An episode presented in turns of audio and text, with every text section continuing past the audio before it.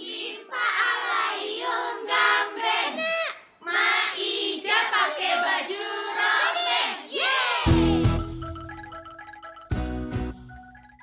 Halo Sobat IGR, bagi Sobat IGR yang lahir sekitar akhir tahun 90-an sampai awal 2000-an pasti nggak asing dengan permainan bongkar pasang atau yang biasa disebut dengan BP. Pada awal tahun 2000-an, permainan boneka dalam bentuk kertas ini dapat dikatakan permainan yang sangat digemari oleh anak-anak, terutama anak perempuan. Selain paras bonekanya yang cantik, baju, dan juga aksesoris yang menyertai ini nggak kalah elok sehingga membuat betah anak kecil untuk bermain. Harganya pun murah, sehingga nggak begitu memberatkan orang tua. Lembaran permainan BP ini memiliki jenis yang sangat beragam.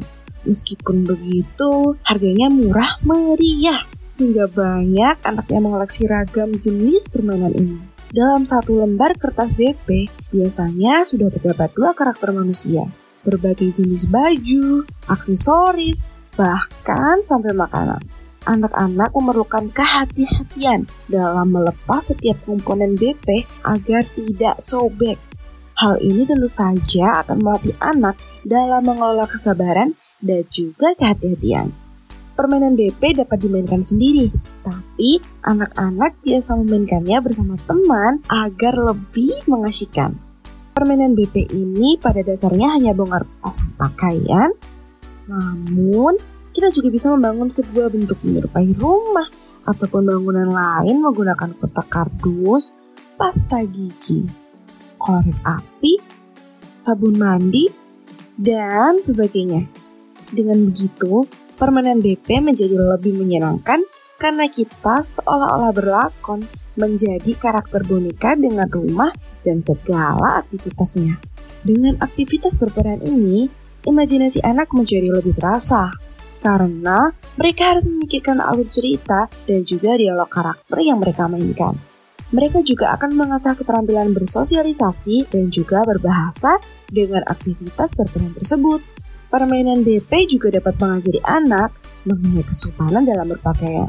Hal ini dikarenakan saat bermain BP, anak juga memikirkan pakaian yang cocok dan pantas untuk karakter mereka pada saat melakukan aktivitas tertentu seperti berangkat kerja, berbelanja, menghadiri acara formal, bermain, berlibur, hingga kegiatan sederhana seperti tidur.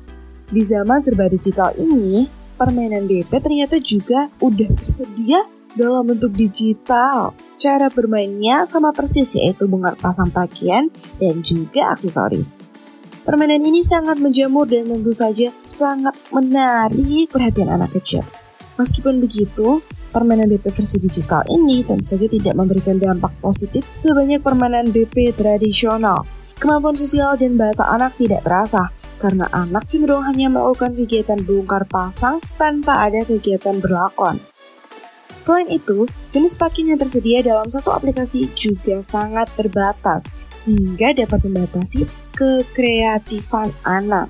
Saat ini, permainan BP mungkin sudah jarang sekali ditemukan.